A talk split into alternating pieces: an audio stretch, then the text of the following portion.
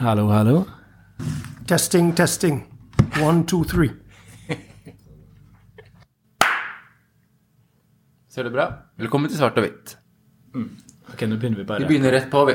Ja. Vi har um, Velkommen til en ny episode av Svart og hvitt. Hei, Magnus. Hei. Og hei, Aki. Hei. Aki, for um, dere som ikke kjenner Aki, så er han leder av OMOD. Organisasjonen mot offentlig diskriminering. Det må du ikke si. Fordi det fins ikke. Det fins ikke. Det er, det er en veldig fin start, syns jeg. Ja.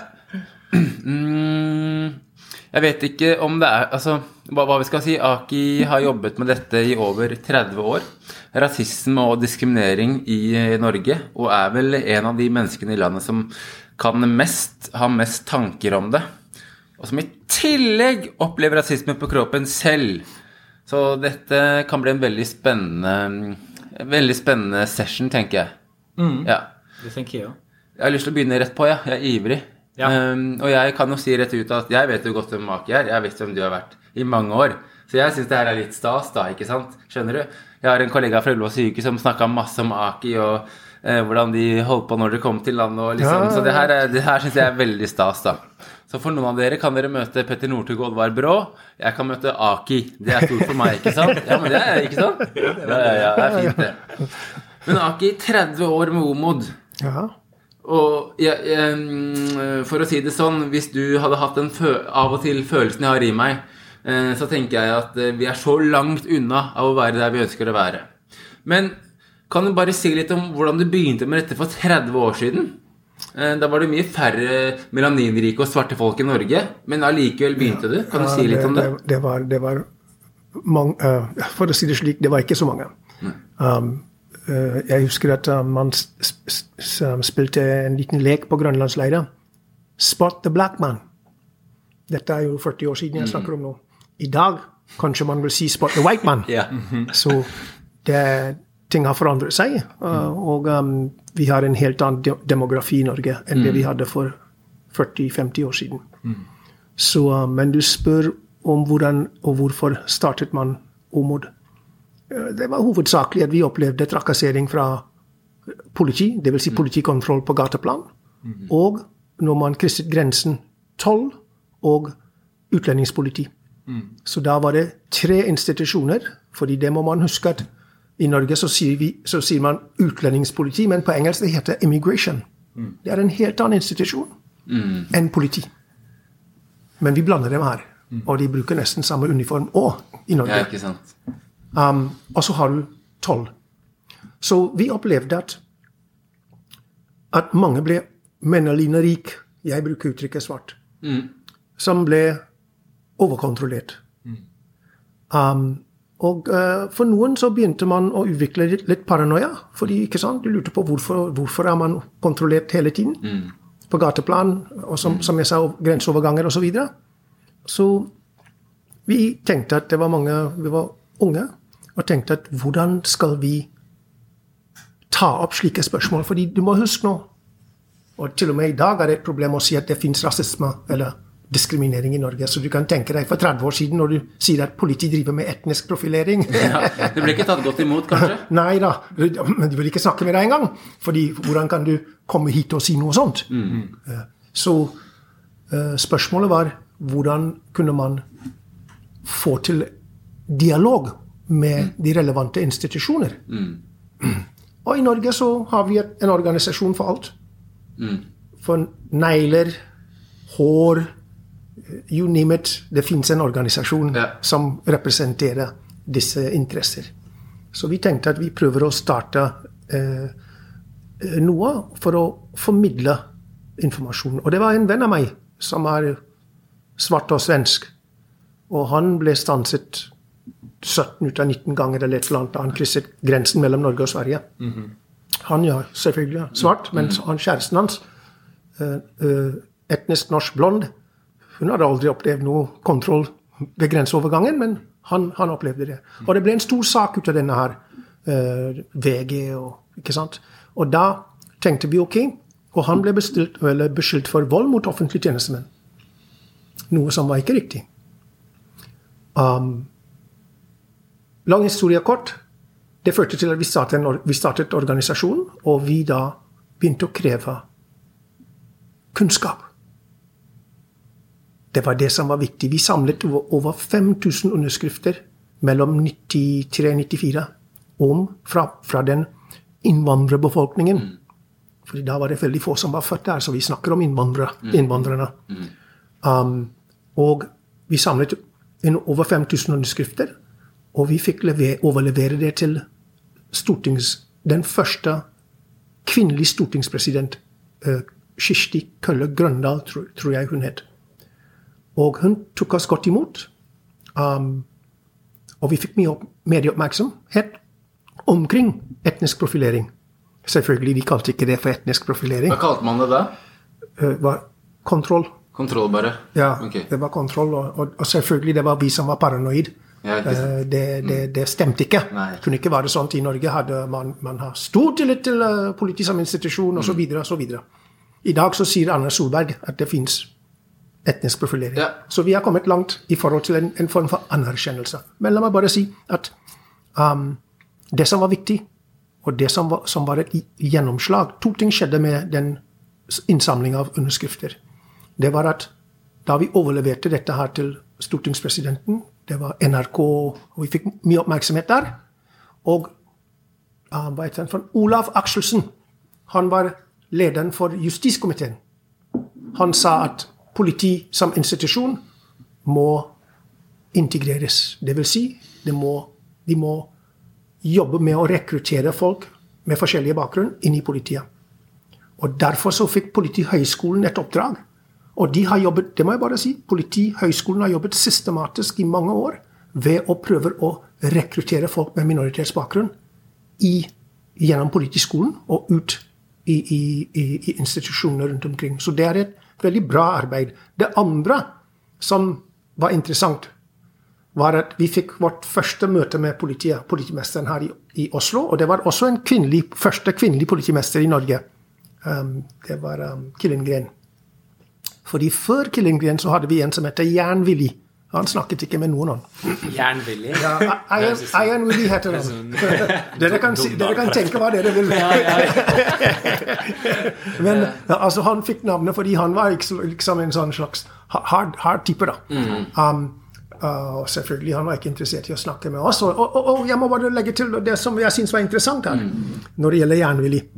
Det var at um, dette er rundt 85, vil jeg tro.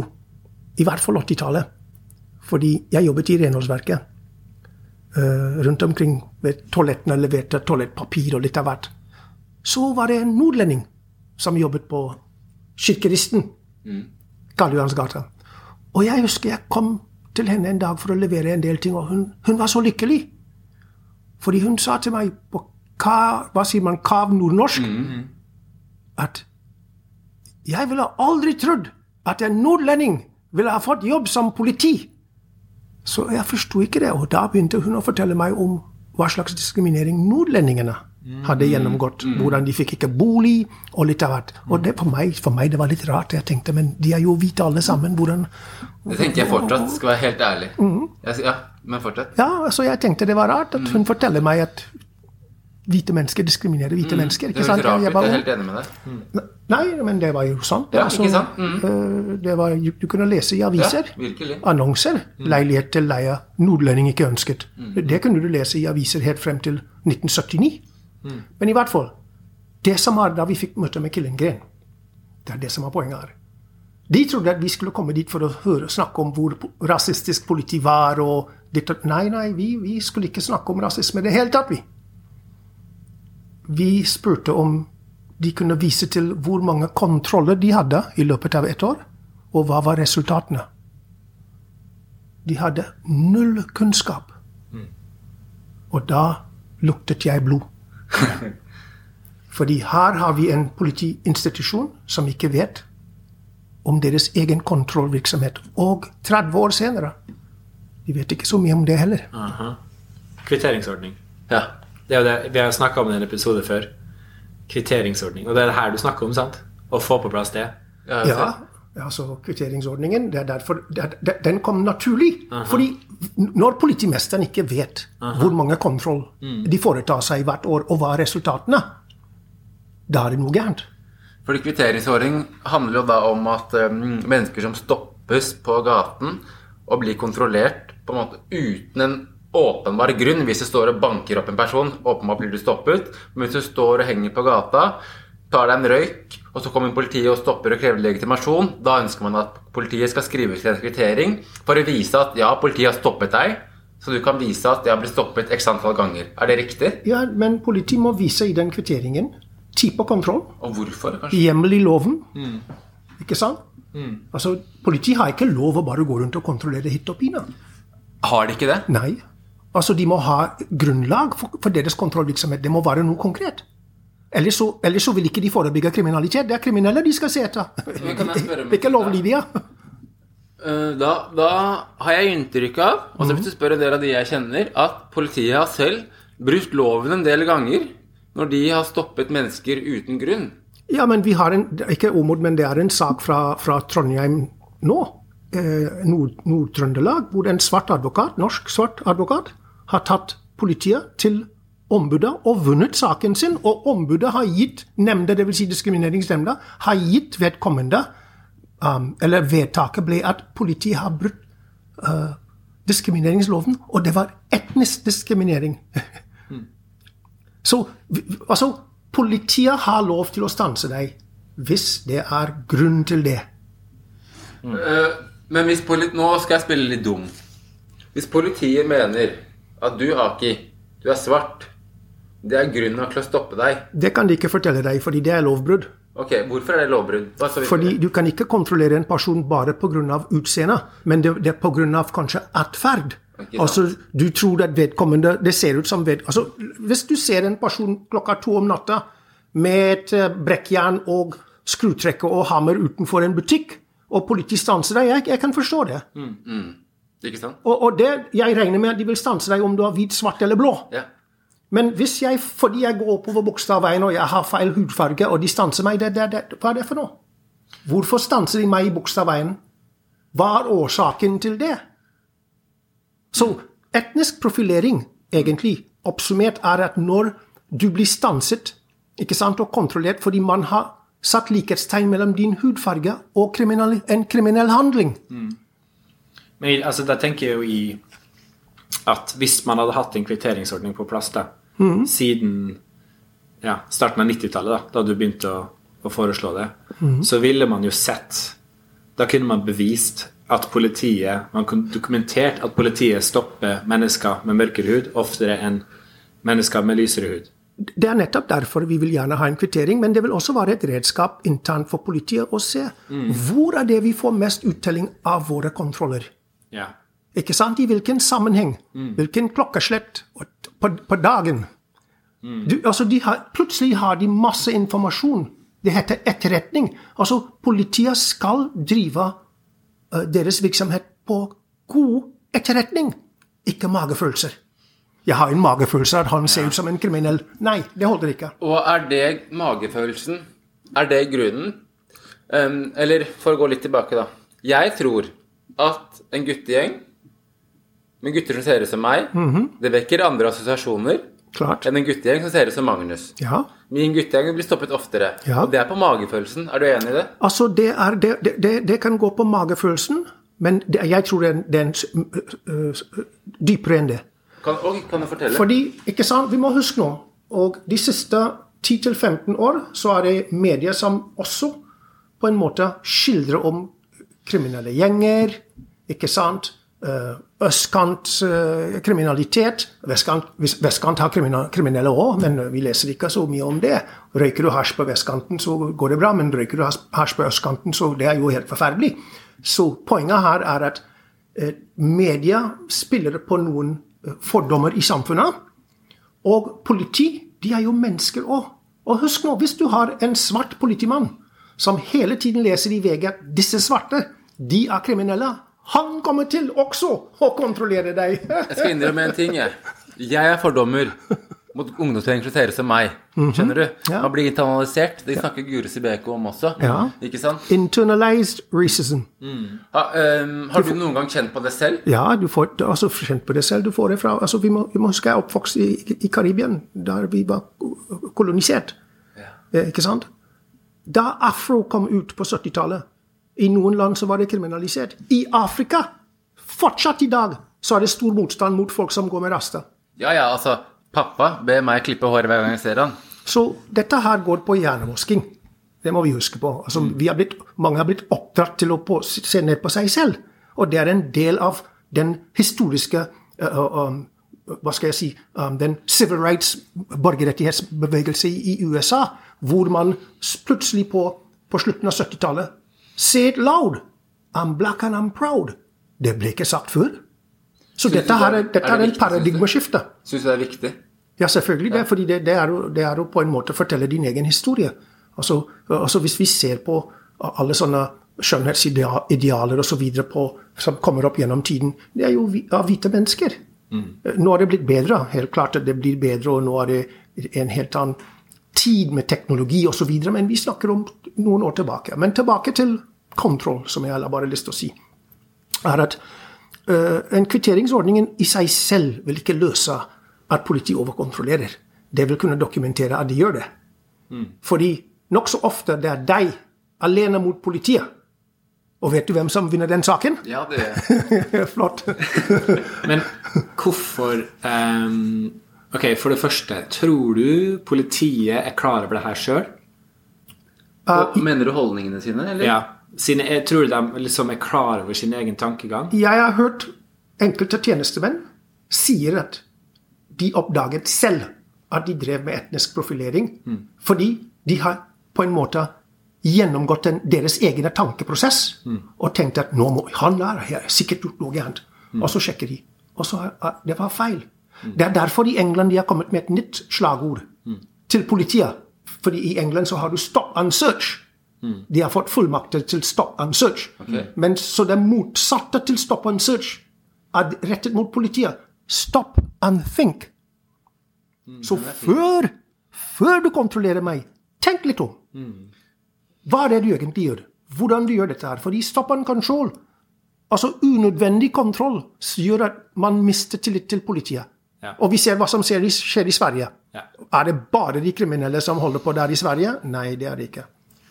Men hva tror du er Altså, det, det, det burde jo ikke ta så lang tid å få på plass en sånn ordning. Hva tror du er årsaken til at det tar så lang tid? Tror du det er um, Er det på en måte eh, Kan jeg være klar over at det her mest sannsynlig er sant, men så ønsker de ikke at det skal bli dokumentert? Tror du det kan være et Ting, svar? ting tar tid. For det første så måtte vi få etablert at det faktisk skjer. Men hvordan skal du få etablert at noe skjer når man ikke har noe dokumentasjon, og du som er utlending har lav status, og ingen tror på deg? Hvordan skal du gjøre det? Which came first, the chicken or the egg? Det blir umulig. Ja, det blir veldig vanskelig. Og det er derfor det er deres generasjon som er viktig her nå. Og da lurer jeg på en ting. Fordi du har jobbet med dette så lenge. Pappa kom til landet i 82. han, hadde, han hadde diskusjoner hvor han sa Kan dere slutte å bruke ordet neger? Ja, Jeg er født i 1989. Ja. I år er det 2022. ja, I år har jeg hatt diskusjoner hvor jeg sier Kan dere slutte å bruke ordet neger? ja. Men, Hvor, lenge, hvor lang tid skal det ta, lurer jeg på. Ting, Kjenner du frustrasjonen din? ting tar tid, og så spørsmålet er hvordan du takler disse utfordringene. Okay. Og hvordan er man organisert i forhold til det. Men la meg bare si, så at det blir litt sånn oppmuntrende. Ja. ja, men det kan være fint. Det er at Oslo kommune forbi bruken av ordet i deres, i, i deres um, dagligtale.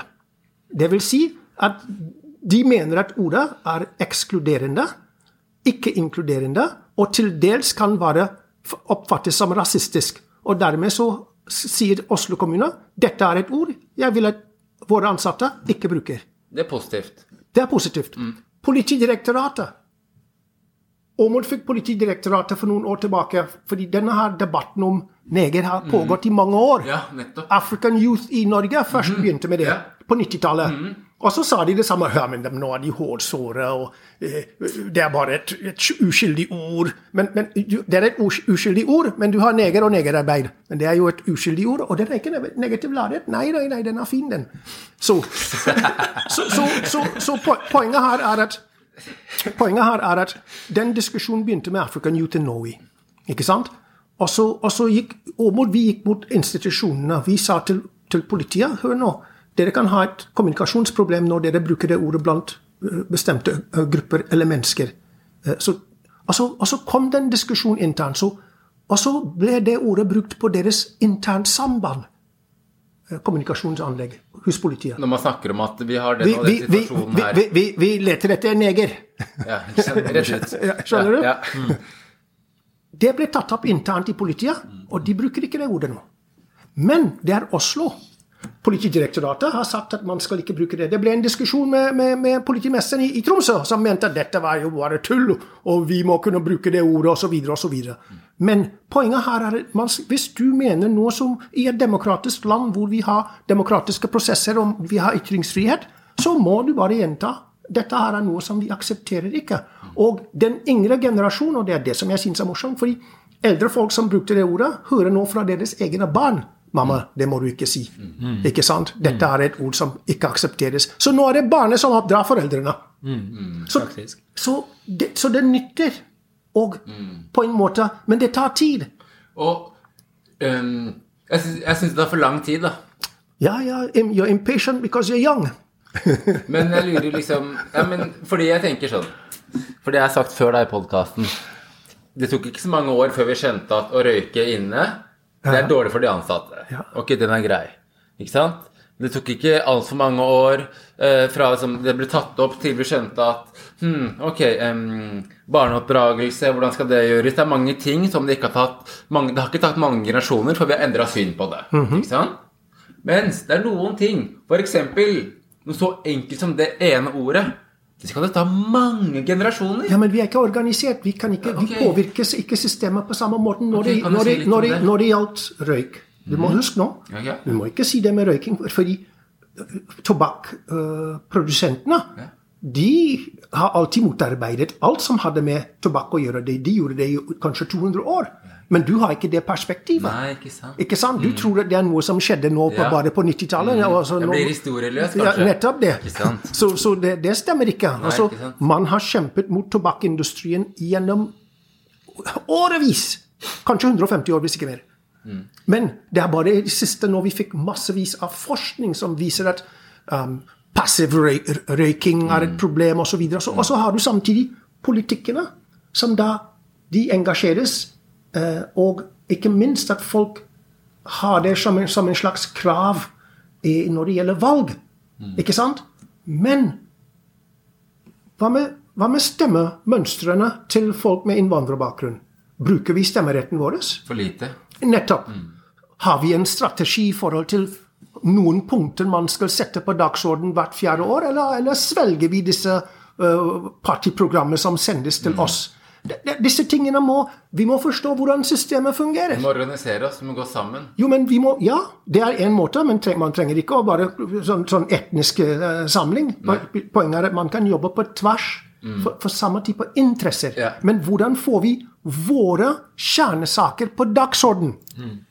Hvordan gjør vi det? Ja, men Det er jo en kunst. Og det kan ikke dere lære her på dette programmet. Syns du vi unge er for utålmodige? Nei, men det er, det er et eh, vanlig kar karakteristikk av unge personer. De vil ha ting skal skje fort. Men, men, men, men i det virkelige verden så, så, så, tar ting litt lengre tid. Men noen ganger så får vi sånn uh, sånn rask bevegelse, ikke sant? Mm, så, så, så, det er å bare stå på. Jeg husker en Og jeg liker ham, da. Er, jeg, må bare si, jeg, jeg, skal ikke si hva han het, men kanskje jeg skulle gjort det. Men han er en uh, uh, sånn skikkelig uh, wise politician. Yeah. Og han sa til meg sa, Aki, det eneste som hjelper, er agitasjon, agitasjon, agitasjon og mer agitasjon. Og det betyr argumentasjon? Agitation. Det er meiselpolitikk. Du skal oppnå noe. Ut med meisel. Mm. Hammer. Og gjenta, gjenta, gjenta. Nettopp. Mm. Slag for slag. Slag for slag. Det kanskje virker noe kjedelig, men til slutt så ryker stein.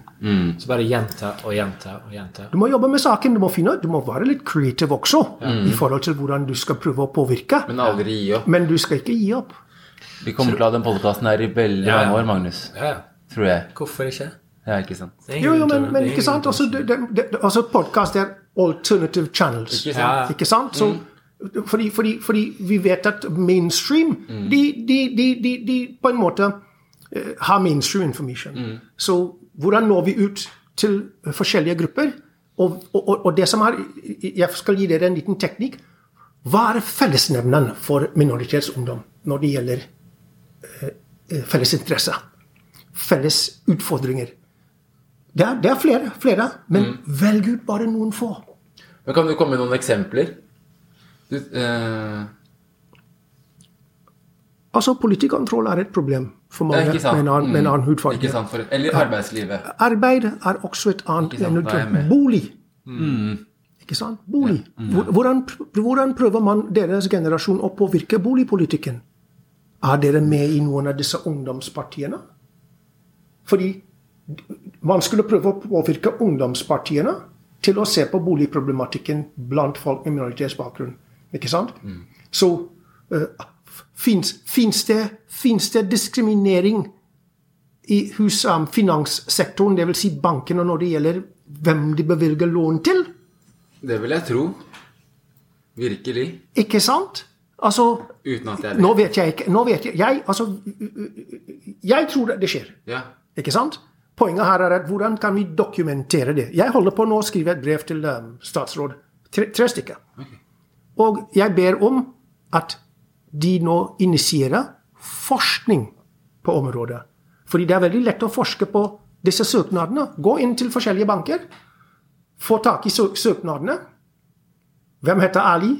Hvem heter Fatima versus Ole og Kari? Om de har likt inntektsnivå osv. osv. Og ta en analyse av hvordan dette her skjer i praksis. For det er mulig å gjøre. Det er mul alt er mulig. Men er de interessert i å gjøre det? Det er det som er. Det er derfor du stilte et spørsmål om hvorfor har ikke vi fått kvitteringsordningen etter, etter 30 år. Fordi det er ikke noe interesse. Fordi det, det er ikke noe interesse for dem. Fordi, som du sier, det kanskje synliggjør at vi, vi overkontrollerer bestemte grupper uten resultater. Og jeg, jeg, jeg gjentar det der. Kontroll er én ting, men hvis den ga resultater Ja. Men kontroll uten resultater, det er frustrasjon. Så jeg skal utfordre det, lytterne har nå. Ja. Jeg har en påstand, Okay. og jeg vanligvis spør. Hvem er det som tar de fleste ulovlige utlendinger i Norge? I kontroll. Hvilken institusjon? Skal vi også prøve å svare her? Ja, det, det, det, det, yes. Skattemyndighetene? Nei, men skattemyndighetene har skatt. Okay. Jeg snakker om ulovlige utlendinger. Altså, Ulovlige utlendinger vil ikke ha noe med skatten å gjøre, fordi de har ikke noe Det er et veldig godt poeng. Ja. Det må vi ta bort. Nei da. Eh, eh, altså det er veldig lett å si politiet, men måten jeg spør om, er det kanskje ikke politiet, da? Ja, men det, det- det er det som er det mest opplagte. Det er utlendingspoliti og Ja. politi. Ja. Ikke sant? Det er det som man vil automatisk tro. Ja. Og, og det vil jeg ha trodd også. Ja. Men siden jeg har jobbet på feltet en del, så har jeg eh, mine spørsmålstegn ved det. Ja. Jeg påstår at en god del av de som ble tatt ulovlig i Norge, har tatt i billettkontroll av AS Sporveien og NSB billettkontroll. Fordi de har et samarbeid. Hvis, hvis de stanser deg på trykken eller bussen, og du har ikke et personnummer, de ringer til politiet automatisk. Dermed så får politiet en gratis ulovlig utlending. Politiet har ikke jobbet for det. De har ikke kontrollert noen. De har fått det gjennom andre institusjoner.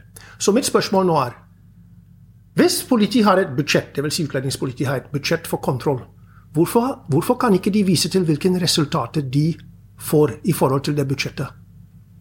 Med andre ord Utlendingspolitiet må kunne vise hvert år med tall hvor mange kontroller de har gjennomført, og hva er resultatene. Det som vi vet ved slutten av året, er hvor mange som blir utsendt, sendt ut av landet. Men vi vet ikke hvem som har tatt de. Det er veldig interessant, altså. Det her ja. This is the problem. I ask questions that nobody wants to answer. Kan du bare forklare helt kjapt hvem utlendingspolitiet er, og hva, hva Immigration. Utlendingspolitiet er de som skal faktisk sørge for å, å finne ulovlige Så utlendinger. jobben til utlendingspolitiet er å finne eh, mennesker i Norge som her ulovlig, Ja, og så sender det ut igjen. det er en del av jobben. Og så, kan, og så mener du noe, eller du har en teori om at det er et samarbeid mellom Det er, eh, ikke- det er ikke noe teori, det er jo det er fakta. Men, Ja. men poenget, poenget mitt er at jeg sier at en god del som blir tatt Ja. Ulovlig her i, i landet, Ja. er tatt av andre institusjoner Yes. enn en politi. billettkontroll på trikken og bussen. ja. Ja. jo NSB, NSB-tog. Ja. Bare Eller, eller Securitas, hvis, hvis en mann går og stjeler noe i en butikk fordi ikke sant, han er sulten og ikke noe jobb, og han blir tatt av Securitas. Hva skjer? Securitas en- kaller til politi, politi med en gang. Så her har vi flere kanaler inn til politiet. Mm. Men, men hva gjør politiet? Det er det som er. Så når vi får tallet på antall eh, ulovlige som er tatt ved slutten av året, og, og utvist, Ja. det står ikke hvem som egentlig har fanget de.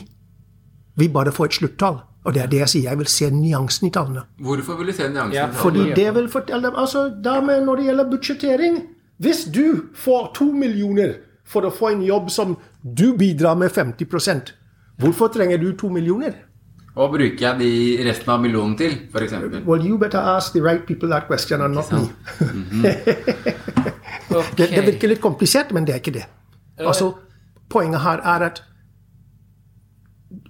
altså, de institusjonene som jobber med kontroll og, og, og kontrollere av, av mennesker, burde kunne synliggjøre bedre den jobben de gjør. Ja, og hvis- det er jeg helt enig i. Og hvis de hadde gjort det, da Hvis hvis de hadde gjort det, Ja. hva hadde det vist da? Hva, hva ville du For det første, det ville det. det kanskje vist at uh, istedenfor at jeg går og kontrollerer Holmlia, kanskje jeg skulle kontrollere vestkanten. Kanskje de fleste, det er mange ulovlige utlendinger som går der borte, og ikke på Holmlia. Men jeg vet ikke. Poenget mitt er at har de analyseavtalene? Mm. Og hvis de har det, hvorfor er ikke det offentliggjort?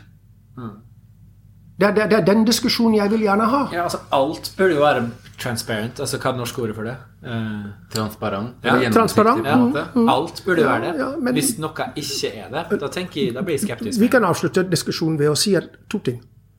Politiet er ikke pålagt til å registrere kontrollene sine. Det er faktum. Og det andre er at jeg regner med at de har noe tall der, men de tallene er ikke aggregert, og de er ikke tilgjengelige til publikum. Punktum. Det er, vi, vi vil ha informasjon. Og vi er, i, vi er i 2022. Men hvis jeg jobbet i, i uh, helsetjenesten, uh, hva heter det for noe, Um, hjemmehjelp, Yeah. jeg må ha klokka med meg. Fem, fem minutter jeg feier gulvet, tre minutter har jeg redd opp sengen, uh, to minutter for å gi vann. D- Der har de, har de um, hva heter det for noe, um, scientific management. Ja. Men politikerne kontrollerer deg hit og pine, Ja. og ingen vet noen ting. ja. And if I am, if I am mistaken, please, I will, I will love the police to come and have a conversation. Det vil de helt sikkert ikke. Helt They don't have figures. Punktum. Tror du um, Liksom for å komme videre i den kampen her, tror du at flere hvite mennesker må bli med og kjempe? Ja, selvfølgelig. De er en del av samfunnet. Og det er mange hvite mennesker som også kjemper. Ikke sant? Det har man gjort eh, gjennom mange, mange år. Man har satt forskjellige typer saker på dagsorden. Det er ikke, det er ikke folk med minoritetsbakgrunn som vedtar noe som helst opp i Stortinget. Nettopp. Så derfor vi er avhengig av hvite mennesker. Jo, vi, man er avhengig, men samtidig så er du avhengig også til å samarbeide med folk. Ja. Så det er, ikke noe, det er ikke noe galt med det, men poenget er at hvordan, hvis, det er, hvis det er ti saker som man i et parti setter på dagsorden, hvordan påvirker du partiet til å sette i hvert fall en av sakene dine på dagsorden? Vi kan ta kvinnekampen. Det er et veldig godt parallell. Kvinnekampen. Um, på 70-tallet ville ha sagt at nei, nei, kvinner er bare hårsåre, de diskrimineres ikke, det er bare tull. Men i dag så har vi kanskje et av verdens mest likestilte land. Ja. Men nå, vi må bare overføre disse teknikker, disse um, strategier Ja. og, og, og innsatsen Ja. til det jeg kaller for etnisk likestilling. Men ja, den har jeg tenkt på For jeg bare sånn i, i hodet mitt så har jeg tenkt på den metoo-kampen, eller eh, bevegelsen. Den har jo tilsynelatende fungert ganske bra Jeg mener det har blitt bedre etter at det skjedde. sant? Ja. Men så tenker jeg sånn Det var det jo kvinner som liksom eh, sto fram i historiene sine, og så ble de trodd. Mm. Og det skapte en, en forandring som selvfølgelig var veldig bra. og tilbake til ham. De, må, de har jobbet lenge med dette her. Ja, altså, helt sikkert. Så det er ikke noe nytt. Ikke- nei, nei, nei. Skjønner du? Ja, ja, ja. Men så tenkte jeg bare sånn, jeg tenkte bare sånn Ok, med de kvinnene her da som sto fram og liksom, som støtta hverandre, og som fikk til det her, da, da tenker jeg også at mange av dem var gift eller hadde en connection med en hvit mann.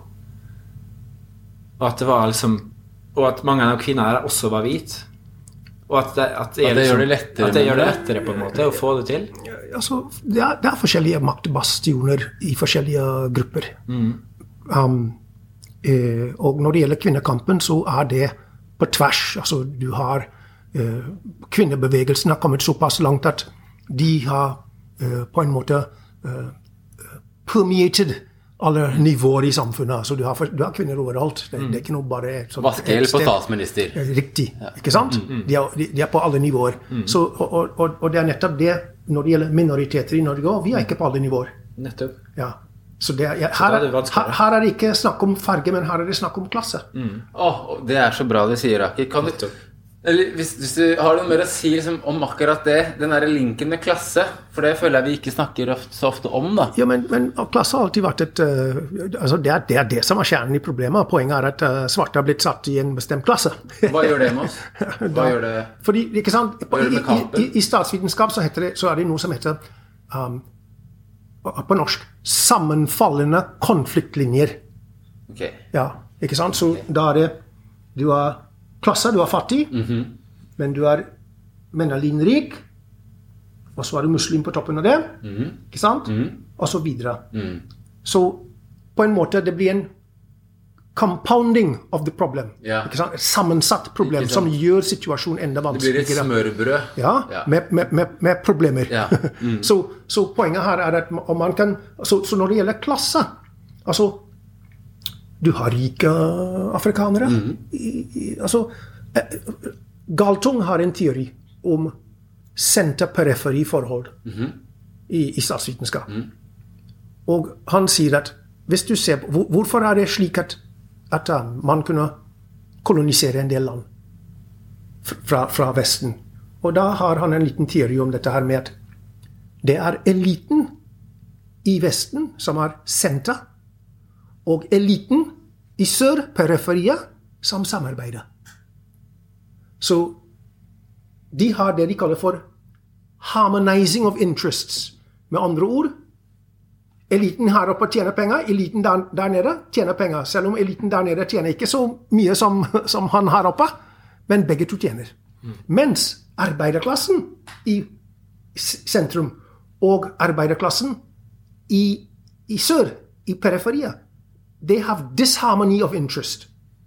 Ja, fordi han arbeiderklassen her oppe må få lavere lønn. Han allerede har dårlig lønn. Hvis han arbeiderklassen her nede skal få litt bedre disharmony of interest, så de kan ikke jobbe sammen. Det er en veldig interessant eh, teori. Så, så det er derfor i den arbeiderbevegelsen så er det, de, må finne, de må forstå at de har en felleskamp. Fordi det er jo litt sånn eh, Hva er det heter? Splitt og hersk. Splitt og hersk. Ikke sant? At du setter grupper, og gjerne som sårbare grupper, opp mot hverandre. da. Faktum er vel at det er jo flere arbeidere i verden enn det er rike mennesker. Så hvis vi alle hadde organisert oss godt sammen, tenkt sammen, kunne vi oppnådd veldig mye, da. Ja, lettere, lettere sagt enn gjort. Så, så poenget er at uh, for, for hver generasjon så må man på en måte gjøre noe fremgang. Og i, i Norge, så det som jeg liker uh, godt med Norge, er at uh, den er åpen til påvirkning. Men vi må, det er akkurat som fotball. Når du er på fotballbanen, hvis du kan ikke regelverket, du trener ikke med ballen, ballspill, og de plasserer deg på fotballbanen. Du kommer ikke til å skåre noe mål. Så, så, så det, er en, det er ferdigheter at man må lære seg. Innenfor systemet. Ja, du må lære deg hvordan systemet fungerer. Og så tenke litt strategisk i forhold til Det er akkurat som penger, pengebruken. Hva er det vi ja. bruker penger på? Ja, altså sånn som du har sagt når jeg og du har snakka sammen tidligere òg, så har du sagt at det er f.eks. fullt lovlig å ta lydopptak av en samtale. Altså, så det vil si i visse situasjoner. Ja, ja, så, så det, hvis jeg og du har hatt en samtale der jeg er eh, med i samtalen, så kan jeg ta lydopptaket der. Og så, og så hvis du hadde sagt noe som var ulovlig, da, så kunne det ha blitt brukt som bevis i en rettssak. Altså Når det gjelder f.eks. rasisme på jobben, mm. um, eller at du føler deg uh, forbigått av uh, sjefen din, eller sjefen din er frekk, rasistisk mot deg. Mm. Fordomsfull Bruk, bruk, hvilket begrep du har lyst til å bruke. Og du må ha dokumentasjon på det. Mm. Så det er noen som tar opp slike samtaler, mm. og det er ikke ulovlig. Mm. Men du kan ikke avlytte et rom. Nei, nei. Og det er en forskjell. Jeg kan ikke legge telefonen min her og så gå ut i et annet rom nei. og ta opp en samtale som jeg er ikke delaktig i. Men er jeg delaktig i den samtalen, så kan jeg ta den opp. Nå Diskusjonen er at er det etisk? Og kanskje svaret er nei, men det er heller ikke etisk å være rasistisk. Mm. Så hvis, må, hvis, det er den eneste måten at jeg kan bevise at dette skjer, mm. så vil jeg gjøre det. Ja. Og, og, det, og, og, i en rettssak så kan det brukes? Ja, det har blitt brukt i forhold til diskrimineringsnemnda uh, og andre saker, og mm. i retten. Mm. Ja, så, uh, og dette har jeg blitt fortalt av uh, flere i, uh, på, av jurister, mm. men også norsk Eller dommere. Mm. så, så, om jeg tar feil, det er fordi jeg har feil, fått feilaktig opplysning. Mm. Men, men, nei, har, dette her, altså, det kan du gjøre, men du kan ikke gå og legge det ut på YouTube. Nei, nei. Fordi det er noe annet. Mm. Ikke sant? Den skal brukes i en bestemt Du transkriberer dette, ja. og så kan det brukes fordi da, du kan dokumentere det som er transkribert. Mm. Mm. Så det er slik man bruker det. Mm. Du går ikke ut på YouTube eller begynner å sende det ut på Twitter, fordi det, er, det, det kan være ulovlig. Ja, ja. Men det, er, altså det du snakker om, da, og liksom for å kunne Du må ha ferdighetene for å skåre mål. Det går jo litt på det samme, på en måte, å, å være klar over hva hvilket verktøy man kan bruke for å f.eks. vinne en rettssak? Ja, det er mange som kommer til meg og så de forteller meg emosjonelt hvor diskriminert de er. Mm. Og jeg har bare et spørsmål Where is your documentation? Mm. Mm. Og da er saken ferdig. Ja, Fordi de har det ikke nå. De har masse tårer. Ja. Mm. Men det hjelper ikke. kan jeg spørre om en annen ting? Fordi vi hadde en episode for litt siden der vi Bare et øyeblikk. Husk på det du sa. Fordi dokumentasjon er også vitner. Ja. Det er ikke bare opptak, men vitner. ikke sant? Skriftlig referat fra møter. Mm. Men ikke sant? Et, så, så, så, når man har et referat eller mm. møte, mm. det er å sjekke at referatet er i tråd med hvordan du har oppfattet diskusjon. Ja. Og hvis, hvis, du mener at det er ikke det, så må du skrive dine egne notater. Jeg ja. mener at det ble sagt, og det var svaret. Ja. Og et annet problem vi har i Norge, interessant nok, er at um, det er ingen som bruker det hellige ordet. Rasisme. Mm. Så til og med folk som når de skal klage, de har følt seg utsatt for rasisme, mm. de, de, sier ikke det. De bruker andre variabler. Mm. Og dermed så har ikke du registrert at du faktisk føler deg diskriminert eller rasistisk trakassert. Men, du har ikke sagt det selv. Har du noen tanker om hvorfor man ikke bruker det ordet? Uh, vi, er, uh, vi er på en måte conditioned. Folk flest forstår at her i Norge, hvis du sier at 'jeg opplever rasisme', du mister kommunikasjon. Mm, jeg, for jeg tenker jeg, Når du sa det nå, så tenker jeg sånn Ja, ja, jeg ville også sagt, brukt et annet ord enn rasisme. Men hvis det er rasisme, så har Hvis jeg føler at jeg Hvis noen kaller meg et eller annet rasistisk mm. uttrykk, hvorfor skal jeg dekke det over med et annet ord? Uh, jeg syns ikke du burde gjøre det. Men jeg hadde tenkt fordi mange av de du hadde møtt, de ville tenkt at du overdriver. De vil ikke assosieres med ordet, og mange blir veldig redde for å ta situasjonen når man hører ordet. Det er min følelse og tanke, da. Ja, jeg forstår det. Mm. Men um, jeg mener at det er en feil strategi. Jeg mener at vi må kunne diskutere det. Akkurat som de vil diskutere alt annet i Norge, så må vi kunne diskutere det som er vanskelig. Og hvis kvinner hadde sagt, eller gjort det, det, så ville ikke de ha kommet så langt. Mm. Fordi hvis, vi, hvis, hver gang vi skulle, eller homofilene hver gang vi skal snakke om noe, så Vi kan ikke bruke ordet. Det er, munn, det er munnkurv.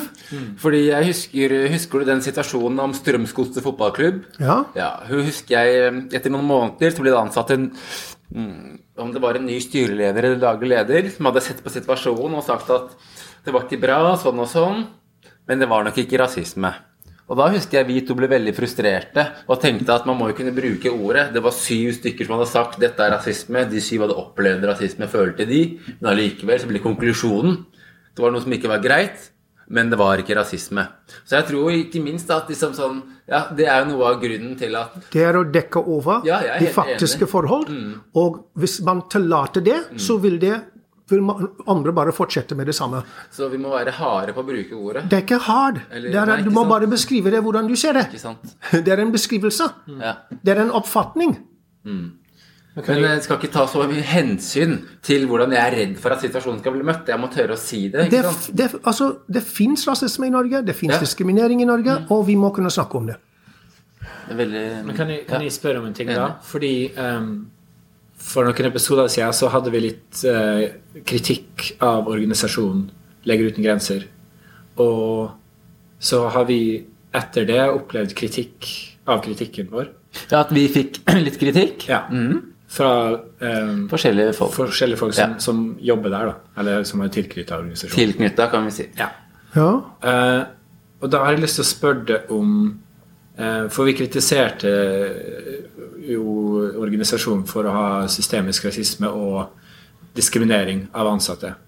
Og da Når vi da får kritikk for det, så opplevde jeg eh, en liten sånn usikkerhet. Og jeg begynte liksom, får sånn en smule sånn, litt sånn tanker som jeg betviler på om det jeg har sett eller tenkt er riktig. Skjønner du hva jeg mener? Sånn at man, man opplever på en måte sånn Ja, det gjorde jo jeg òg. Ja. Og, vi, mm, og på en måte uten å si for mye om på en måte hva vi tenker om kritikken, så det satte i hvert fall i gang mange tanker, da. Og vi liksom ble ganske usikre på oss selv. Har vi overdrevet? Er det vi har sett er riktig? Er vi helt på jordet? Um, ja.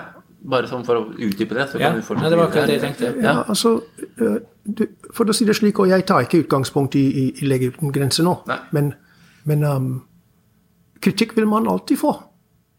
Det er en del av den offentlige diskus, dis, diskusjoner. Alle er ikke enig. Det er derfor vi har loven, og til og med når vi har loven, så er vi ikke enig. Det er derfor har, man tolker loven. Og, og, og du tolker loven ut ifra hvilken type um, evidens man har. Dokumentasjon. Ikke sant? Fordi da kan vi si ok, men her har vi det. Da kan vi anvende paragraf 2, ledd 1, eller, eller noe sånt. ikke sant? Så kritikk vil du alltid få. Hvis du googler navnet mitt, så vil du se at eh, jeg, jeg er featuring i mange sånne, sånne steder hvor jeg, jeg er ditt og jeg er dette og jeg er det andre. Så, men jeg er blitt litt herdet pga. tiden, ikke sant? Men, men poenget er at hvis jeg for 30 år siden ikke sa at det fantes etnisk profilering, vi ville ikke kanskje hatt diskusjon om um, kvitteringsordningen i dag, og vi ville heller ikke hatt, uh, hørt Arne Solberg si at ja, dette er et reelt problem. Så kritikken må du tåle, men du må, det som er at når du tar opp slike problemstillinger, må du prøve å være så saklig og objektiv som mulig. Ja. Men, men uh, og, og så jeg sier som mulig, ikke sant? Fordi det ligger alltid en tolkningsspørsmål her. Og du kan også tolke feil. Men du kan også tolke, andre kan også tolke feil. Så hvem, og det er derfor vi tar slike saker til diskrimineringsnemnda eller en domstol, fordi da er det et såkalt objektiv institusjon, og mennesker som ser på begge parters argumentasjon. Ja. Så fordi du har fått kritikk, betyr ikke at, at du har feil. At du tar feil. Og, og det betyr ikke at du har rett. Dokumentasjon. Ja, nettopp. Men sånn som stillingsannonser, da, eksempel. Ja. Det har jo du hatt mye å gjøre med opp gjennom tida Ja, Jeg har hatt en del. Ja. Så det, det her, her snakker vi jo om f.eks. spesifikt her, altså var det en ordbruk som altså sånn eh, I annonser så er det skrevet flytende norsk. Og som ni av du har snakka sammen før, så har du sagt at det Altså en, en, en, en stillingsannonse, når de, når de krever norsk kunnskap, Ja. så skal eh, det defineres ut ifra hva det er de mener med norsk kunnskap. Trenger man professor in Norwegian?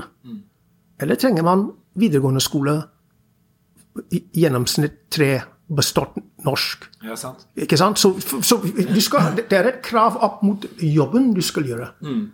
Man kan ikke kreve Og så må det være objektive uh, hva skal jeg si, beskrivelser. Så ting som perfekt norsk. Det, det, er, det, er, usaklig. Og det kan, det kan, være diskriminerende. Um, uh, at det skal være, etter min mening, flytende norsk. Hva betyr det?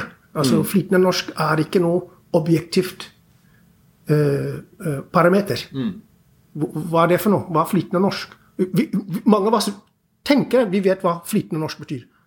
Men hva, hva betyr det i forhold til jobbsammenhengen? Mm. Til, til, hva det jobben krever? Må du kunne snakke flytende norsk for å vaske gulvet? For å jobbe på, på, på vaskeriet? For å tømme søppel? Mm -hmm. Altså Hvilket norsk nivå trenger man for jobben? Og hvis man ikke stipulerer det på en god måte, og spesielt hvis man ser på resten av teksten, så kan det bli oppfattet som et diskriminerende stillingsannonse. Og jeg husker vi hadde en sak med, med um, Jeg tror det var forsvar, forsvar, Forsvarsdepartementet. Hvor de hadde bedt om noe lignende perfekt norsk eller flytende norsk. eller mm. mm. og, og, og, i tillegg, du måtte være skandinavisk uh, statsborger. Ah. Og begge to var feil.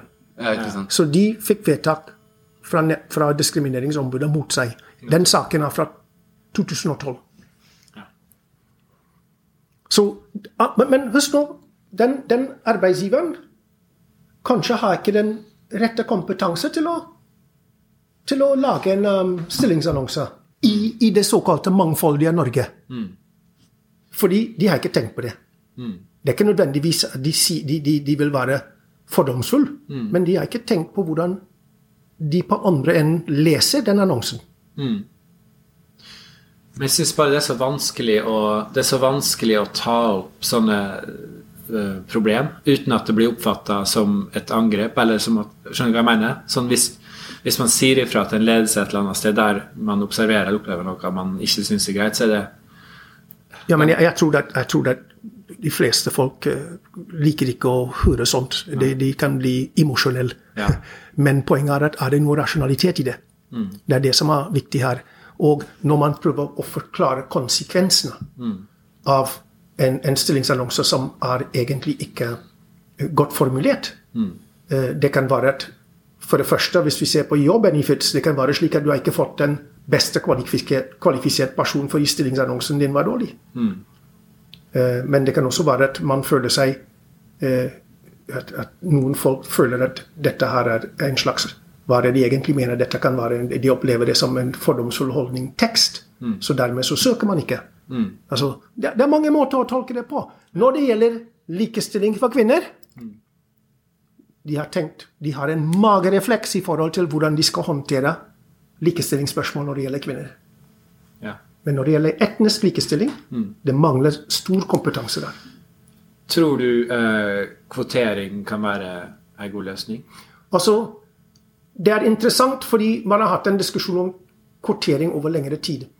Og jeg vil si at hvis vi skal kvotere basert på hvordan vi definerer hvilken kompetanse vi trenger mm. Fordi det er ingen tvil om, etter min mening, at det er mange med minoritetsbakgrunn som, selv om de er godt kvalifisert, ikke får jobben. Mm. Og det er flere årsaker til det. Det er nettverk, det er um, uh, De møter kanskje noen med fordomsfulle holdninger når det gjelder uh, intervju. Mm. Um, akkurat som for ikke så lenge siden var ikke det en, en, advokat nå som har en sak. Har ikke dere lest om den? Når de fortalte jeg vil si jeg tar ikke feil, de fortalte dette, dette er jo en advokat, han søker jobb som advokat. Og da fikk han beskjed at det er noe negerarbeid inkludert i Jo, jo, jo. jo, jo, jo, jo. Sto i ja, på E24. Og så sier folk Nei, men det var ikke, det var, det var ikke noe uh, rasistisk ment. Mm. Det var en glipp. Det var jo uh, ja. det, Altså, den personen tilhører en annen generasjon. De prøver å bortforklare. Ja, ja. Poenget her er at de skulle beklaget, lagt seg flat, sagt at dette er uakseptabelt ord. Mm. Mange opplever det som rasistisk, og vi beklager det. Men man prøver å bortforklare det. Mm. Så, altså, så la meg si nå hvis jeg skulle ta den jobben, og tenk om jeg hadde fått den jobben, da. Mm. Hvordan, hvordan, tror du at jeg vil føle at jeg har fått en jobb som innebærer negerarbeid? Mm. Det, det, er jo hyggelig. ikke, ikke, bra i det hele tatt. Så, men, men, har man tenkt på det? Har, har, har, noen tenkt på det? Det er det som er poenget her. Det er derfor jeg sier du, du, det, er ikke noe irritasjon. Du må fortelle din narrative. Du må fortelle din historie. Uten følelser, på en måte. Altså, det er alltid følelser. Ja, men, men, prøv å legge de litt bort. men spesielt når det gjelder juss. Fordi juss, jussen er ikke så veldig opptatt av følelsene dine. Men kanskje i sosiologi er det noe annet, antropologi er det noe annet. Men det kommer helt an på hva det er vi, vi vil. Så altså, i, i, i comedy det er veldig bra med følelser og, og, og, og sånt. Så, så det, det er ikke det. Men, men når det gjelder at vi skal kommunisere eh, vanskelige temaer, hvor folk faktisk Du må huske nå på den andre siden når, når, du hører at ja, men eh, det er rasistisk. Den personen som, som mottar den beskjeden, også går i, i forsvar. Men du vet, er ikke det interessant at den personen som går i forsvar fordi man har kalt dem rasist, de er ikke hårsåre. Det er et veldig godt poeng. De er jo rasjonelle. Men jeg det må vi huske på. er hårsår. Det er bare, Hårsårheten går bare én vei. Riktig. Men det er hårsår i begge retninger. Mange ganger er jeg blitt kalt hårsår. Kanskje tusen ganger. Senest i ja, lenge ikke så Så, så, Det å bli kalt rasist, det er liksom Men vi har, vi har alle sammen rasister. Det er det som er interessant. Vi har alle sammen rasister. Vi alle har rasistiske og fordomsfulle tanker. Ja. Eh, Men, men, og, og hvis vi ikke anerkjenner at vi har fordommer alle sammen, vi kan ikke bearbeide det. Nettopp. Så det er slik jeg ser på det. Det er, det er min teori. Det er jeg helt enig. Der er jeg veldig De tankene kommer jo, og så må man jobbe med dem. Så jeg, jeg er oppvokst i et land eh, på en tid hvor eh, mørkere man var, styggere man var. Internalized racism. Tror du at det tar ikke tid? Ikke Jeg husker som ungdom jeg står i speilet og så Hvorfor tror du folk, mange folk retter ut håret sitt osv.? Yeah, yeah. Mm. Dette er en del av den der hjernevasking som har pågått over flere hundre år. Og at det er en nedtrykkende eh, utdanning som gjør at mange føler seg ikke bra nok. Så dette må man bearbeide. Så tilbake til at vi alle har fordomsfulle holdninger, Ja. og vi må kunne jobbe i forhold til det. Og når jeg hører folk si at ja, men jeg er ikke rasist, jeg har noen svarte venner. Jeg, jeg er heller ikke kvinnefiendtlig, jeg, fordi jeg har hatt kvinnelige kjærester. Vil- det si at jeg kan ikke være sjåvinist? Vil, det vil det si at jeg kan ikke ha sjåvinistiske holdninger fordi jeg har en kvinnelig kjæreste? Well, I mean to say. Det, der sa jo vi når vi ble intervjuet av NRK Møre og Romsdal, sa vi akkurat det der. Fordi reporteren sa et eller annet om ja, jeg har jo en eh, mørk venn. Så sier jeg liksom ja, folk i Saudi-Arabia har eh, koner, men vi sier fortsatt at det er et kvinnefiendtlig land. Det er det ikke noe tvil om. Så, så, så vi må prøve å få den der saklighet opp i det hele. Og, og, og det er gjennom dialog at vi kan diskutere disse tingene. Fordi du, du, Kan dere uttrykke teidetang? Når, når, liksom, når, når du, du klarer ikke å si noe, ikke sant? Du, føler, du føler som tunga di har blitt okay, ja, ja. sperret på en måte. Eh, Altså, når man, for noen, når man begynner å snakke om disse tingene her, ja. de, de mister eh, nesten taleevne. Ja. Ikke sant? Er skummelt å om. ja, for å formidle egentlig hva jeg mener. Altså, fordi dette, er, dette er tabubelagt i Norge. Hvit skjørhet. Ja, kall det det hvis du vil, men det er tabubelagt. Ikke sant? Så det blir vanskelig å snakke om det. Men, men, men jeg, jeg mener det bør ikke være vanskelig. Ut ifra et historisk eh, perspektiv så er det veldig forståelig at, at eh, det fins rasistiske holdninger også i Norge. Det fins i alle andre land. Så hvorfor ikke Norge? Men hva, eh, Det er et ord jeg leter etter. Men altså, det, det, kvinn, kvinner liksom NRK har det i et TV-program. Så må man en viss andel kvinner og en viss andel menn. Hva Ja, det? det er, det, det, kvotering tenker du på? Ja, Ja. det er et annet ord. Mangfold? Nei. Ok, det er ikke så. Ja, men der heter det balanse. Likestilling? Ja, lik, ja altså sånn, men, men De skal ha representasjon både, både fra kvinner og menn. ikke sant? Ja. ja. Og det står, det, NRK må jo gjøre det, sant? og de gjør det. Men er det en dum idé å tenke det samme med Nei, det, det er det ikke. Men, men jeg, vi, vi begynte å snakke om kvotering. og så, så, så som jeg sa, vi, må ha, vi kan ha kvotering ut ifra eh, kvalifikasjoner. Ja. Og, og vi må da definere hva det vi trenger av kvalifikasjoner. Og hvis det, mitt forslag nå, hvis det ikke hjelper, så må vi komme med tvunget kvotering. Fordi Ja. vi har kvotering, kvinnekvotering i styret. Ja. i, i, i business, i forretninger. Der må de ha 40 kvinner, Ja, eller noe sånt. Eller så, eller så kan de nedlegge deg som bedrift eller, eller som organisasjon. Men, men, men det som er la, la oss ta en liten titt på Det er noe som heter likeverdige offentlige tjenester. Det vil si at eh, statsapparatet eller offentlige institusjoner de betjener publikum. Befolkningen. Ja, befolkningen. befolkningen. Og de skal levere bra tjenester til alle, uansett. Uansett klasse, hudfarge, Uansett. religion. Uansett. Og, og, og disse tjenestene til en viss grad skal være tilpasset individet etter individets behov. Gjør det også psykisk helse? Ja, i teori. Ja. Altså, dette her er på det teoretiske, utopiske nivå. Det er det man vil. Så hvis vi har det som utgangspunkt Nå skal jeg gi et, et, et enkelt eksempel. Vi har Sagene bydel. Sagene Bidel trenger en sykepleier. Og skal ha en stillingsannonse. Men så er jeg sjefen på Sagen og Bidel, og så sier jeg, så sier jeg ok, men hva, hva slags demografi har vi her i, i, i, i um, Sagene? Og så slår jeg opp fra SSB, og det, ja, det er 30% etniske minoriteter med et, uh, uh, forskjellige somalisk, tyrkisk, ikke sant, uh, norsk-pakistaner osv. osv. Og så tenker jeg ok, dermed så sier jeg vi vil ha en sykepleier, men vi trenger kanskje noe tilleggskompetanse i forhold til den øh, sykepleierutdanning. Og vi trenger språkkompetanse, fordi vi kan ha pasienter som da kan ikke norsk. Og dermed må vi enten hente tolk, eller så hvis vi har en sykepleier som kan snakke det språket, eller flere språk, så er det veldig bra. Så jeg nå begynner å se på staben min opp mot demografien i bydelen. Så når jeg lager min stillingsannonse, jeg sier sykepleierutdanning, så så mange år, så så mange års sykepleierutdanning, ikke sant, på det standard. Eh, Så mange års erfaring. Tilleggskompetanse. Arabisk, tyrkisk. Da plutselig kan du konkurrere, og du kan utkonkurrere folk. Men hvis min kulturkompetanse, språklig kompetanse og alt annen kompetanse som jeg har fra min etnisk bakgrunn, er ikke med så, og definert som kvalifi tilleggskvalifikasjoner, så vil jeg alltid utkonkurreres. Ja. Jeg, eh, for jeg jobber jo på Jeg har tenkt på mye av dette, og det at du snakker om likeverdige, likeverdige tjenester. Jeg jobber jo på, jeg jobber innenfor psykisk helse, og vi har mennesker fra hele Oslo som bruker tilbudet vårt. Fontenehus heter det.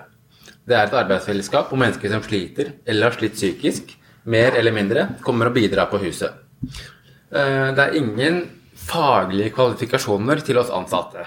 Du må være Altså, øh, du, må ha, du må forstå modellen og som personlig egnethet. Så snakker man om at det må være balanse. Først og fremst kanskje i alder og kjønn. Vi har tre hus i Oslo. Bislett, der jeg jobber. Et på Tøyen og et på Mortensrud. Mortensrud og Tøyen, bydelen, eller der hvor de bydelen er, er veldig mangfoldige hva gjelder landbakgrunn. Og det ser man også på husene. Um, og det her er bare en, um, noe jeg har sett da, og ser. Uh, det er av de ansatte på Mortensrud-huset og på Tøyen, er det kun hvite mennesker. Uh, og jeg tenker at hm, her kunne vært veldig nyttig, og at noen av de ansatte hadde hatt uh, noe kunnskap, inngående kunnskap, Det heter, de... det heter blenda hvit. Ikke sant? Blenda hvit stab som skal betjene et mangfoldig stab. Den matchen går ikke. Takk. Ja. Og det har jeg forfektet nå over mange, mange år. Jeg har sagt det flere ganger. Du kan google det på For å betjene et mangfoldig samfunn, så må du ha et mangfoldig stab. Og dette ligger i, i, i, i, um, ti, Hva skal jeg si i, det arbeidet de har drevet med i forhold til likestilling for kvinner i, i, i 40-50-60 år. At vi skal ha representasjon. Men takk. Eh, For jeg tenker at det er veldig viktig når dette handler om mennesker som på en eller annen måte Noen er født med en skavank som gjør at man har slitt psykisk. Andre har fått en depresjon, men har vært i arbeidslivet i 30 år. Allikevel, på Tøyen og Mortensrud, så er det på en måte mm, Det er én type mennesker, da. eh, Litt, litt sånn grovt sett. Eh, og det er, det er utrolig lett å legge merke til da, når det er liksom Tøyen midt på Tøyen torg og Mortensrud torg. Så dere må begynne å snakke om hvorfor er blendehvit fortsatt. Ikke sant? Ikke sant? Du syns vi bør det? Ja, altså det, det, er, viktig, det er et viktig krav. Fordi eh, vi, vi har kvalifikasjoner I byen vår. i, i, i Norge, over hele landet. Altså, vi, vi, har, vi, har, vi er like flinke og like kvalifiserte, men poenget er at vi taper kampen om jobbene. Og dermed så må myndighetene gå inn og se på hva er det som er galt med arbeids med, den eh, ansettelsesprosessen. Hvorfor er det slik at minoriteter faller ut? Og problemet her er Det har jo gitt med kvinner, forresten. forresten. Mhm. Og problemet her er jo at eh, i mine øyne, det kan det folk være uenig i, min opplevelse er da at um, noen, altså, noen mennesker som bruker disse husene, blir jo sett lettere enn andre fordi staben ligner på noen av de. En somalier på 50 år han, veldig, han er veldig langt unna og ligner på noen av de ansatte. Og jeg tror det kan gjøre noe med tilbudet han får. Vi vet at eh, når det gjelder um, sykepleiere, Ja. leger, apotekarer, um, folk som driver med hjelpearbeid, altså dvs. Si hjemmehjelp Vi vet at eh, det fins pasienter som sier at de vil ikke ha en kvinne i hijab, eller de vil ikke ha en svart person, osv. Um, og hvis du da tar det opp uh, Nokså ofte sjefen sier ja, men det er pasientrettigheter, og de kan velge hvem de vil. Det stemmer ikke. Det er ikke riktig. Um, de har tolket pasientloven feil. Min påstand. Uh, det, dette her er et, en, en, et ansvar som ligger hos uh, personalsjefen til å sørge for at Fordi de må også forvalte arbeidsmiljøloven. Ja. Og uh, hvis du da diskrimineres på jobben, det, det har med arbeidsmiljø å gjøre. Og det er jo en psykisk belastning. Så de må også kunne forvalte disse to samtidig, og ivareta begge parter. Ikke sant? Så uh, dette er også noe vi har tatt opp uh, gjennom Sykepleierforeningen, um, og uh, hadde et fokus de siste to, tre, fire år på dette her. Og, og, og nå er det flere som har meldt seg, som sier at dette er en opplevelse de har. Um, at um, det, dette er et problem. Men da må legestanden, sykepleieren, Sykepleierforbundet, myndighetene tar tak i disse problemer. Og et problem som sykepleierne opplevde, var at i det der avviksprotokollen Det er ikke noe sted du kan registrere diskrim eh, rasistisk diskriminering. Igjen, den har blitt hvitvasket.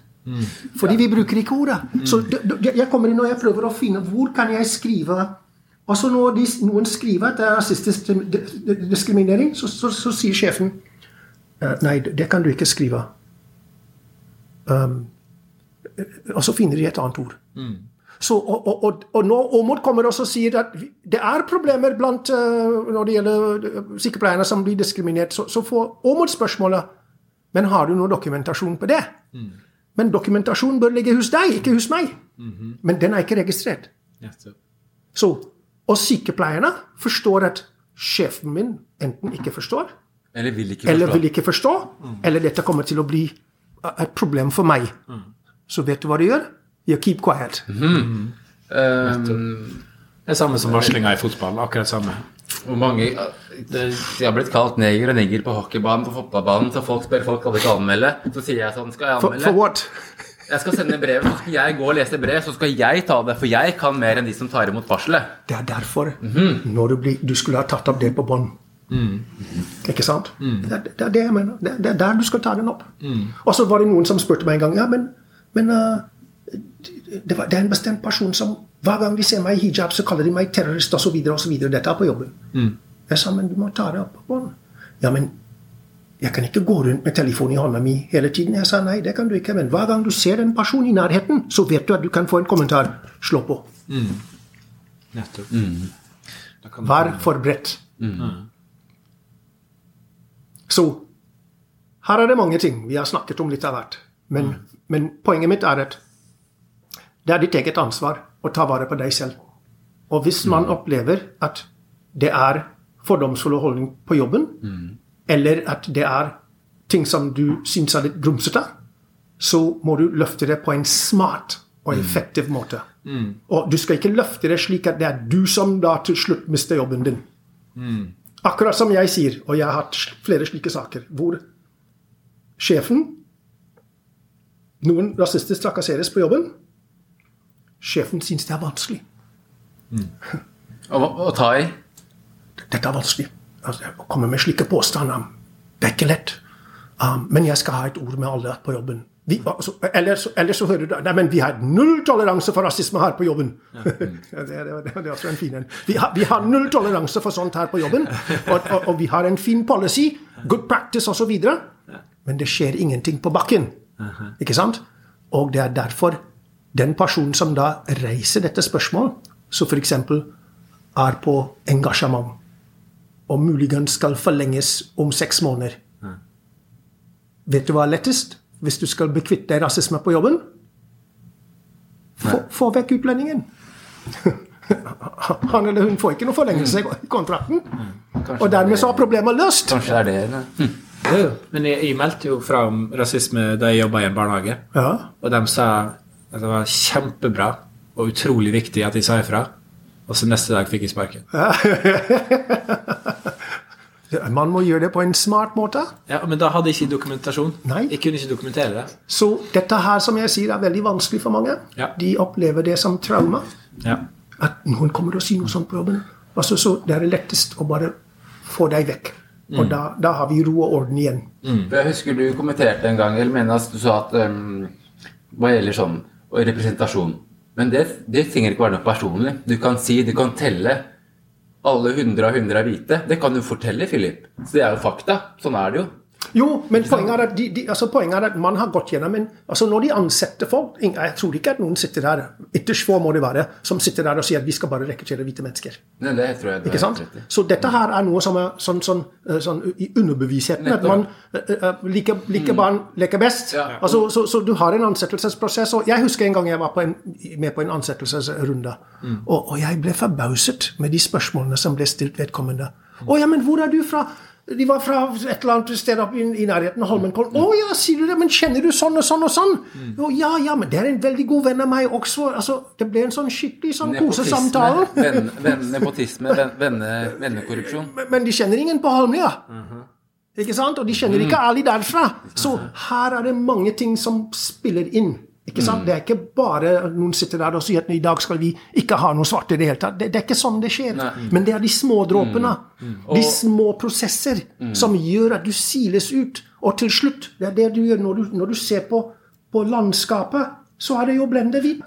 Det gjelder ikke bare den ene institusjonen eller den andre. Det var en undersøkelse for, for to år tilbake hvor av var det 85 toppjobber i, i staten, eller var det 200, jeg husker ikke, det var under 1 Og det er jo på toppen. Ja. Eh, Men, men eh, så, lenge, så, så lenge ned i systemet du kommer, så vil du se flere. Men poenget her er at dette her Og, og, det, og, så, og er det fra kommune til kommune. Oslo Selv om vi kan kritisere, men Oslo er kanskje best i Ja, klassen. ja. Det er viktig Fordi, ja, ikke sant? Det er flest av oss her òg, da. For å si ja, det men, men det, og det er derfor så vi har en kritisk masse her.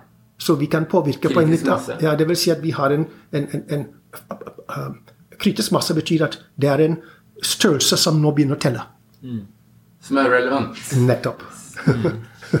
så det er kritisk massen. ikke sant? Så den er stor nok til å kunne på en måte være relevant.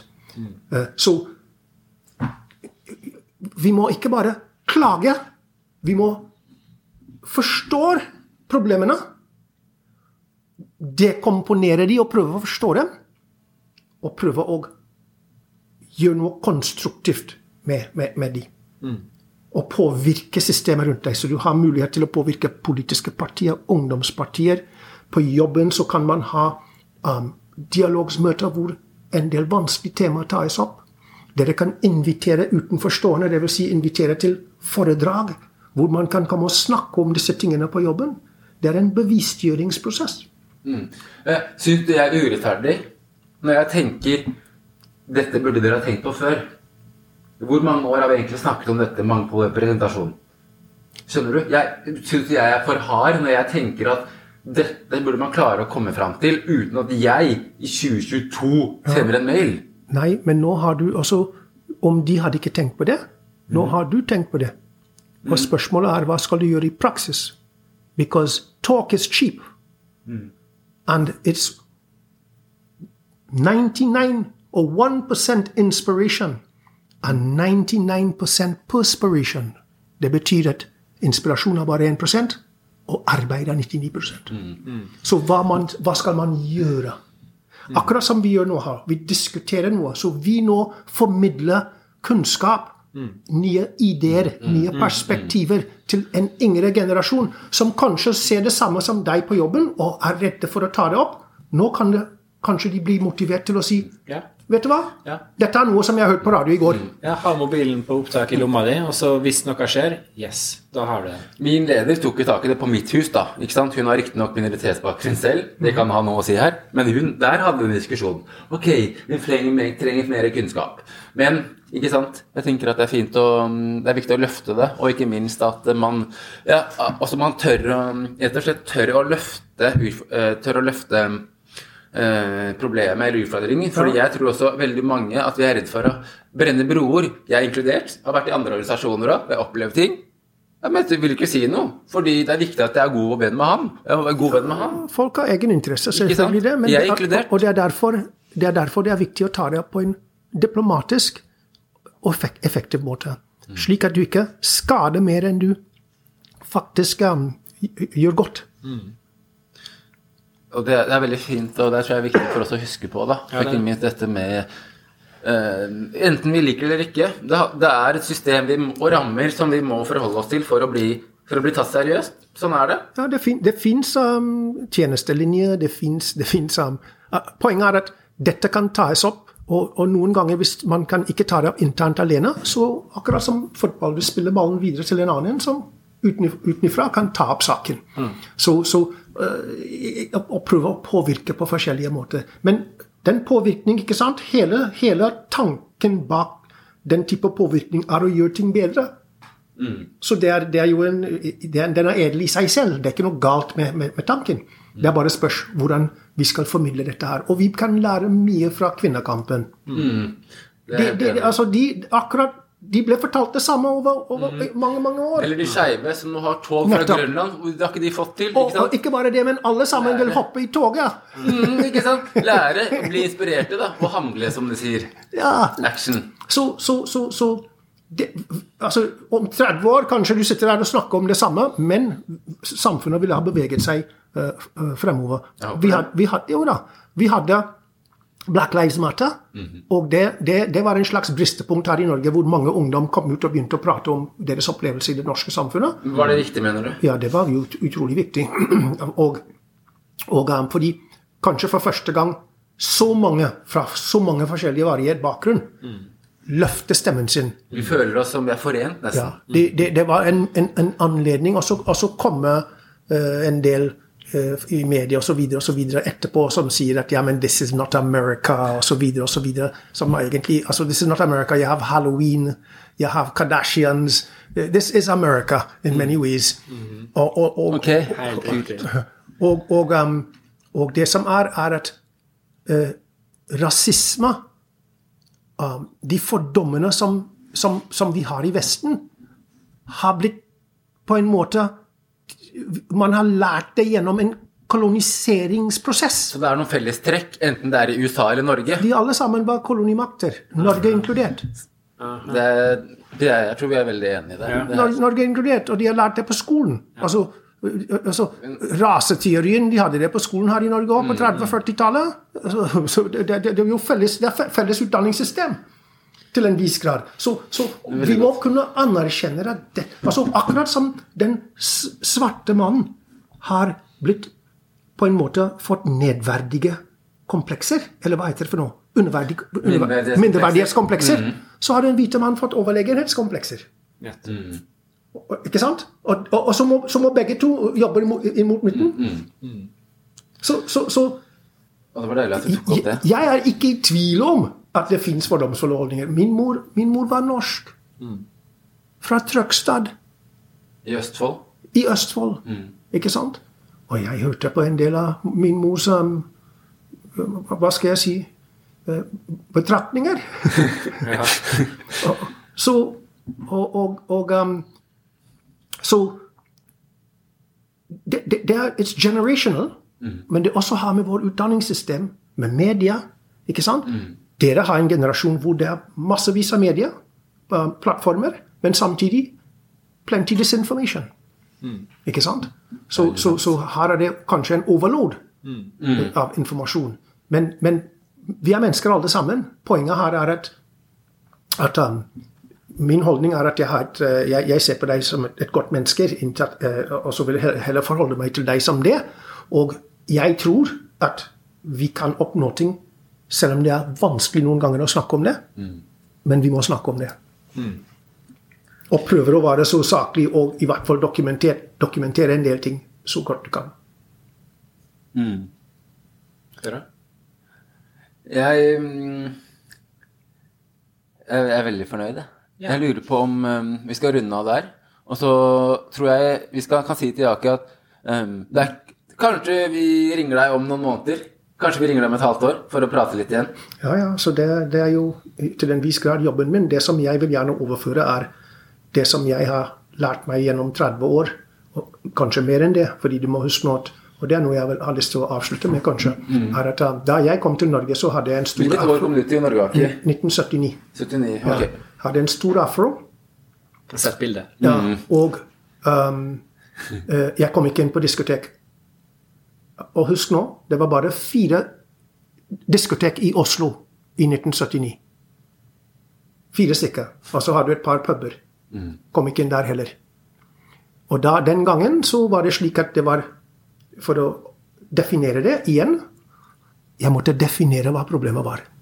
Fordi når vi gikk for å snakke med politiet, og du kom til politiet og sa at vi opplever at vi blir diskriminert på utestedene. Ja. Og så sier politiet Hvilket utested var det? Sånn og sånn. Ja, men de jo har en svart DJ. Ja, så hva? Ja, men du kan ikke beskylde folk for rasisme. De, de, de, de har jo en svart DJ der. Jeg sa ja vel. Eller så sier de at de har en svart dørvakt. Det altså, prøv å forstå nå, politi, den personen som forteller meg dette her, prøv å forstå den eh, trang fortolkning av hva rasisme, av rasisme. er. Han kanskje forventer at det står 'No blacks', et skilt utenfor. Eller at noen har vist deg Sig Heil-hilsen. Ja, det, altså, eller at det var en erklært rasist som sto ved døren også med Heil Hitler, med, med Hitler på brystet. Nei.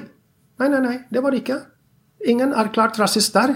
Jeg, jeg det var han, Den personen som nektet meg, var kanskje en snill rasist. Poenget er at de vil ikke ha for mange utlendinger.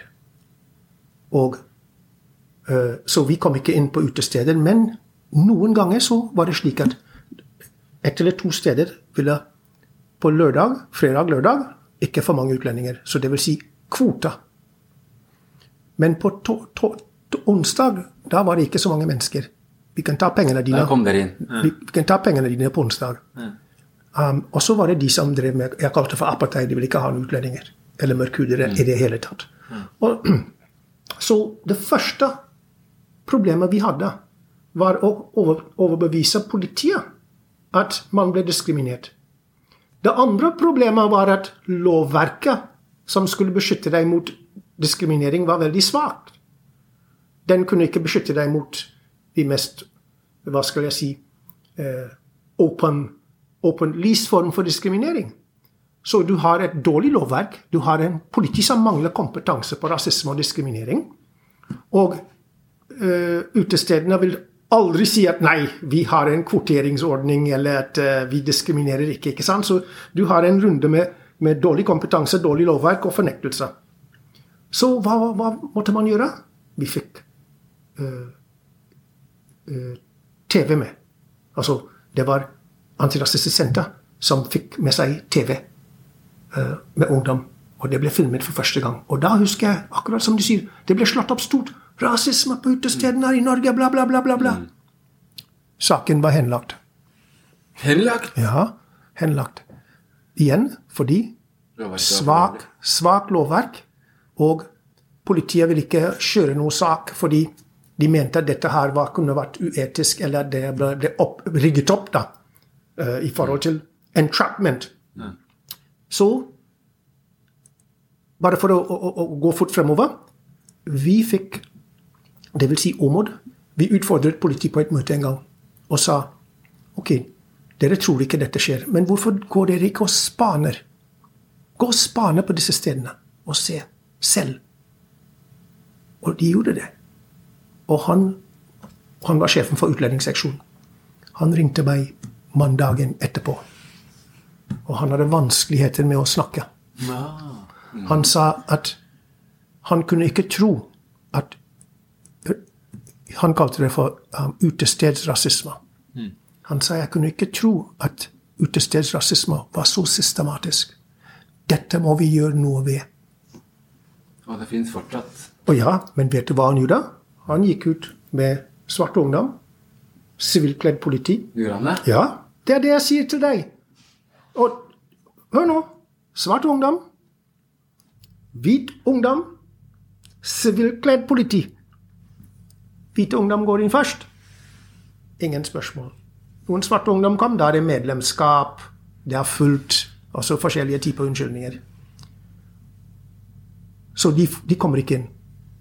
Da kommer politiet, sivilkledd. Han ene går inn. Da kommer noen hvite ungdom igjen bak. De kommer inn. Da kommer en ny gruppe med svarte ungdom. De kommer ikke inn. Og så kommer han siste politimann. Og han kommer forbi døren, og så sier han til dørvakten Men hvorfor slipper dere ikke inn ungdommene?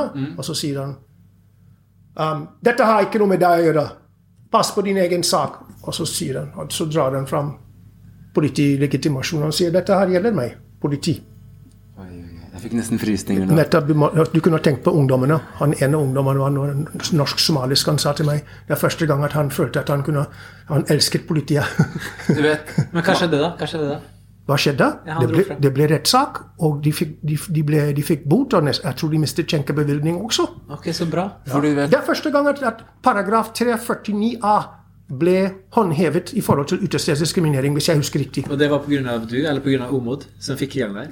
Ja, altså det var, Vi fikk politiet til å spane. Ja, fordi ja. igjen jeg sier man hadde brukt TV og dokumentert dette. Ja. Den fikk ikke gjennomslag i forhold til at det ble påtalt. Ikke sant? Men da vi fikk politiet til å spane Og da, vi, vi utfordret Jeg husker ikke hva han het, fordi han må, må jeg si uh, Han slo et skikkelig slag, slag for, mot rasisme. Um, han han um, Da han ble overbevist selv, så med andre ord For å overbevise politiet, politiet, så måtte de se det selv. Men ikke sant? De, og det er dialogen som førte til at de faktisk tok utfordringen. Så når han så det selv, og han da har myndighet og makt og ressurser, da kan han sende folk ut, Ja. spane, Ja. og da kan man sette opp en sting operation Yes. med ungdom, flere ungdom og politi embedded i denne her uh, situasjonen. Og dermed så er politi vitne i saken. Nettopp. Så de må gjøre noe. Nettopp. Eller bør. Ja, men, men, men de kan, de kan Ja. men det er en, bevist, en bevisgjøringsprosess også. Og, og det er Oslo. Hva med, hva med, hva med Tromsø?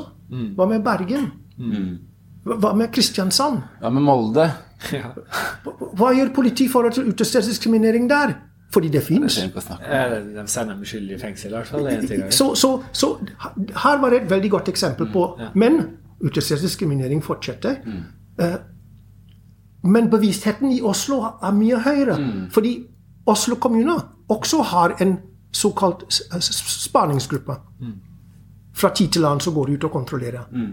Um, de satte i gang med et som jeg syns kanskje er litt ineffektivt, men hvis du blir tatt to ganger, så kan du miste skjenkebevilgning i en uke. Jeg synes at Hvis du blir tatt én gang, så du skal miste skjenkebevilgning i en uke, kanskje lenger enn en uke. Men poenget er at det er en uh, stor gap mellom jeg som kom hit i 1979, og at vi, vi har byråd på toppen av hierarkiet som sier at vi vil ikke akseptere utestedsdiskriminering. Det, det, det, altså, Star Trek! vi snakker om light years away. Så det er det som er. Moren min fortalte meg det før jeg begynte å gå på byen, at eh, faren din sa hun han opplevde så vanvittig mye rasisme og diskriminering på utestedene. Han kom til Norge i 82. Da var det akkurat det her. De samme. Han kom ikke inn. Kom ikke inn, nei! Nei, det er det jeg så, sier. sa- Så sa mamma hun var så redd um, for at jeg ikke skulle oppleve det. Jeg hadde jo utelukkende hvite venner. Jeg er fra Ullevål. Så jeg gikk jo rundt Ikke sant? han, prøver, å, han prøver å bare passe, passe, passe inn. Ikke, ikke sant? Men det er jo en sikkerhetsbelastning. Åpenbart. Ja, fordi jeg, jeg husker Jeg kjenner Jeg skal ikke si hvem det er, Nei. men vedkommende sa at Norsk afrikaner. Vedkommende sa at de snakket høyt, så nordmenn kunne høre at de snakket perfekt norsk. Perfekt, med gåseøyne. Du vet, eh, Aki, det er ingen i denne byen her som er flinkere på erkenorske referanser enn meg. Ja. Fortell meg, Spør meg om én norsk idrettsutøver fra før, uh, før 80-tallet. Mm. Spør meg hvor mange gull han Olav Koss tok. Spør meg om ett eneste gatenavn i Oslo. Han er Jeg skal- godt integrert. Jeg skal ramse opp alt for deg. Jeg skal samtidig fortelle om rastafari og afrikansk postkolonialisme. Men det når jeg kommer på fest, så skal jeg love deg at det er én ting jeg viste fram, Magnus, og det er hvor godt jeg kjenner Skjeberg, Ullerøy og eh, Ivar Aasen, altså. Men, men det er en slags strategi du bruker for å bli akseptert. Men la la meg avslutte her ved å si, og jeg skal fortelle jeg før, da. ungdommene, de som er født eller oppvokst i Norge um, Jeg ser på identitet og tilhørighet som eiendom. Uh, jeg har karibisk bakgrunn, jeg er født i England, og jeg har norsk bakgrunn. For meg det er jeg har tre hytter. Eller tre hus. Og du gir ikke bort eiendom. Det er verdisaker. Det vet vi godt i Norge, i hvert fall. Du tar, du tar vare på eiendom. Så du må ta vare på det som er ditt, og den tilhørighet og identitet, til, det- det- uansett hvilken bakgrunn man har. Men det som er viktig å forstå, er at deres generasjon eh, Foreldrene dine kom til Norge, og uh, mange er født her. Dere er jo de nye vikinger.